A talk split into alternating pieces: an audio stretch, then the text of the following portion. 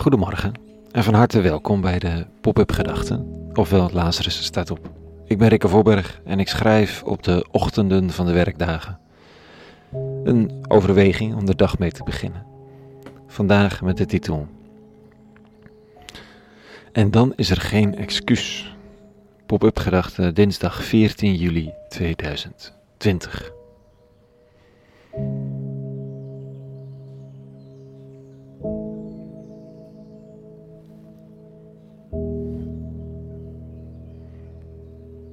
Eksters krassen vlak naast me in een balts, een discussie op hoog niveau of het begin van een gevecht.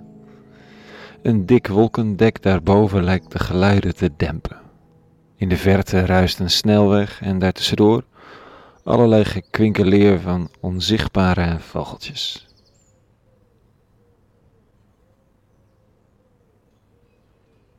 En ik zit en schrijf, me afvragend wat wijs is, wat het houdt gedurende de eeuwen. Wat de mens koers doet houden ten opzichte van de natuur van de dag. Kijk, ik zie die eksters nog geen plannen maken. Voor hem en haar is er gewoon de dag. Tenminste, dat denk ik. Ik zie de onzichtbare vogeltjes niet en ik verwacht dat er geen morele overwegingen hen bezighouden tijdens de briljante klanken die uit de kleine vogelkeeltjes borrelen. Dat doen alleen ik en jij. We zijn onderdeel met huid en haar van dat gekwinkeleerde, gebalts, de dagelijkse gang der dingen, om te leven en te overleven, en onze geest ontstijgt het ook steeds. Elke cel in ons lijf is verwant met de cellen van de traag groeiende bomen en de langsflitsende extra op zoek naar voedsel. En tussen en in de cellen woont een geest die de cellen en hun gang in de geschiedenis beschouwt, keuzes maakt, herinnert, vooruitdenkt afweegt. Hoe kunnen we eigenlijk weten wat goed is? Ik heb er maar een strategie eigen gemaakt en dat, heeft te maken met deze ochtenden en het lezen van de Bijbelteksten. Ergens in die woorden huist een, schoonheid en een mogelijkheid. Ergens daarbinnen woont de potentie tot wereldveranderende liefde en overgave. Tot het dienen van anderen en de wereld. Maar is het genoeg? Is het beschouwen van dat wat er om me heen gebeurt in de ochtend genoeg? Is het voldoende om te weten wat goed is? Nou, vandaag krijgen enkele steden waarin Jezus rondtrok ongenadig onderuit de zak. De rabbi heeft er onderwezen en er zijn allerlei wonderlijke dingen gebeurd. En dan verwijt hij hen dat ze zich niet bekeerd hebben. Wat dat ook precies mogen betekenen. Dit staat er. In die dagen begon Jezus de steden waarin de meeste van zijn wonderen waren gebeurd te verwijten dat ze zich niet bekeerd hadden. Wee u Gorazin, wee u Bethsaida. Tyrus en Sidon zouden reeds lang in zak en as zich bekeerd hebben, indien bij hen de wonderen waren gebeurd die bij u hebben plaatsgevonden. Ja, ik zeg u, het lot van Tyrus en Sidon zal beter te dragen zijn op de oordeelsdag dan dat van u. Bekeerd, hè? Welke bekering zoekt de rabbi dan? Wat wil hij zien gebeuren? De automatische reflex van zoveel gelovigen is dat de bekering betekent dat ze in Jezus geloven of iets dergelijks.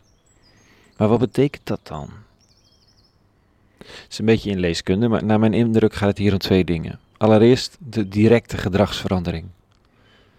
Bekering is dan het besluit om naar de waarde van het oude Joodse verhaal te leven, met heel je hart, ziel, verstand en al je kracht. Om niet de kantjes straf te lopen en een religieus showtje op te voeren, maar werkelijk weer te besluiten om lief te hebben, te zorgen, dat alles. En ten tweede lijkt de rabbi steeds te hopen dat men gelooft dat er een nieuwe periode is aangebroken. Een periode waar men al zo lang naar uitkeek. Dat dit het moment is waarop alles en iedereen heeft gewacht. Een moment van verzoening, van God en mens, van, van bevrijding, van dat wat je klein hield. Het moment dat niet alleen in Israël, maar binnenkort over de hele wereld gesproken zal worden over de God van Abraham, Isaac en Jacob. En de krachtige waarden van onderlinge zorg, een hoge moraal en een hoopvolle toekomst voor de aardkloot. Dat dat verhaal, dat idee de wereld over gaat reizen. En vandaag zegt Jezus geen excuus voor hen. En dan zeker ook niet voor mij. Ik heb de boeken hè, en ik heb ze gelezen. De eindeloze verhalen over de man van Nazareth. Maar ook over de staat van de aarde, de mogelijkheden van de mens, de verantwoordelijkheid. Ik kan weten wat me te doen staat. Er is geen excuus. Dat klinkt hardvochtig, Want kan ik dan mezelf nog vergeven dat ik het niet doe? Moet ik juist niet tegen mezelf zeggen dat het logisch is dat ik niet weet wat me te doen staat? Ja, ik, wo ik leef niet in die tijd van de rabbi zelf, dan zou ik het hem vragen. Ik denk het niet. Ik denk dat we veel meer weten, veel meer zien en dus meer verantwoordelijkheid dragen. Geen excuus. En kan ik mezelf dan nog vergeven dat ik het niet doe? Zo vaak. Nou ja, ik kan mezelf pas vergeven als ik natuurlijk weet wat er te vergeven is. En dan is vergeving ongeveer de ziel van het christendom. Een eerlijke, confronterende analyse en bijbehorende vergeving voor het zo vaak niet zien, niet horen, niet willen. Om vervolgens bevrijd van de last van dat oordeel de volgende dag weer domweg opnieuw te beginnen. En te zien wat er vandaag op het pad ligt om te doen. Tot zover vanochtend.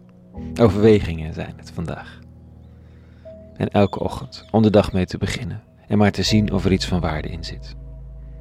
In elk geval vrede gewenst voor vandaag en alle goeds.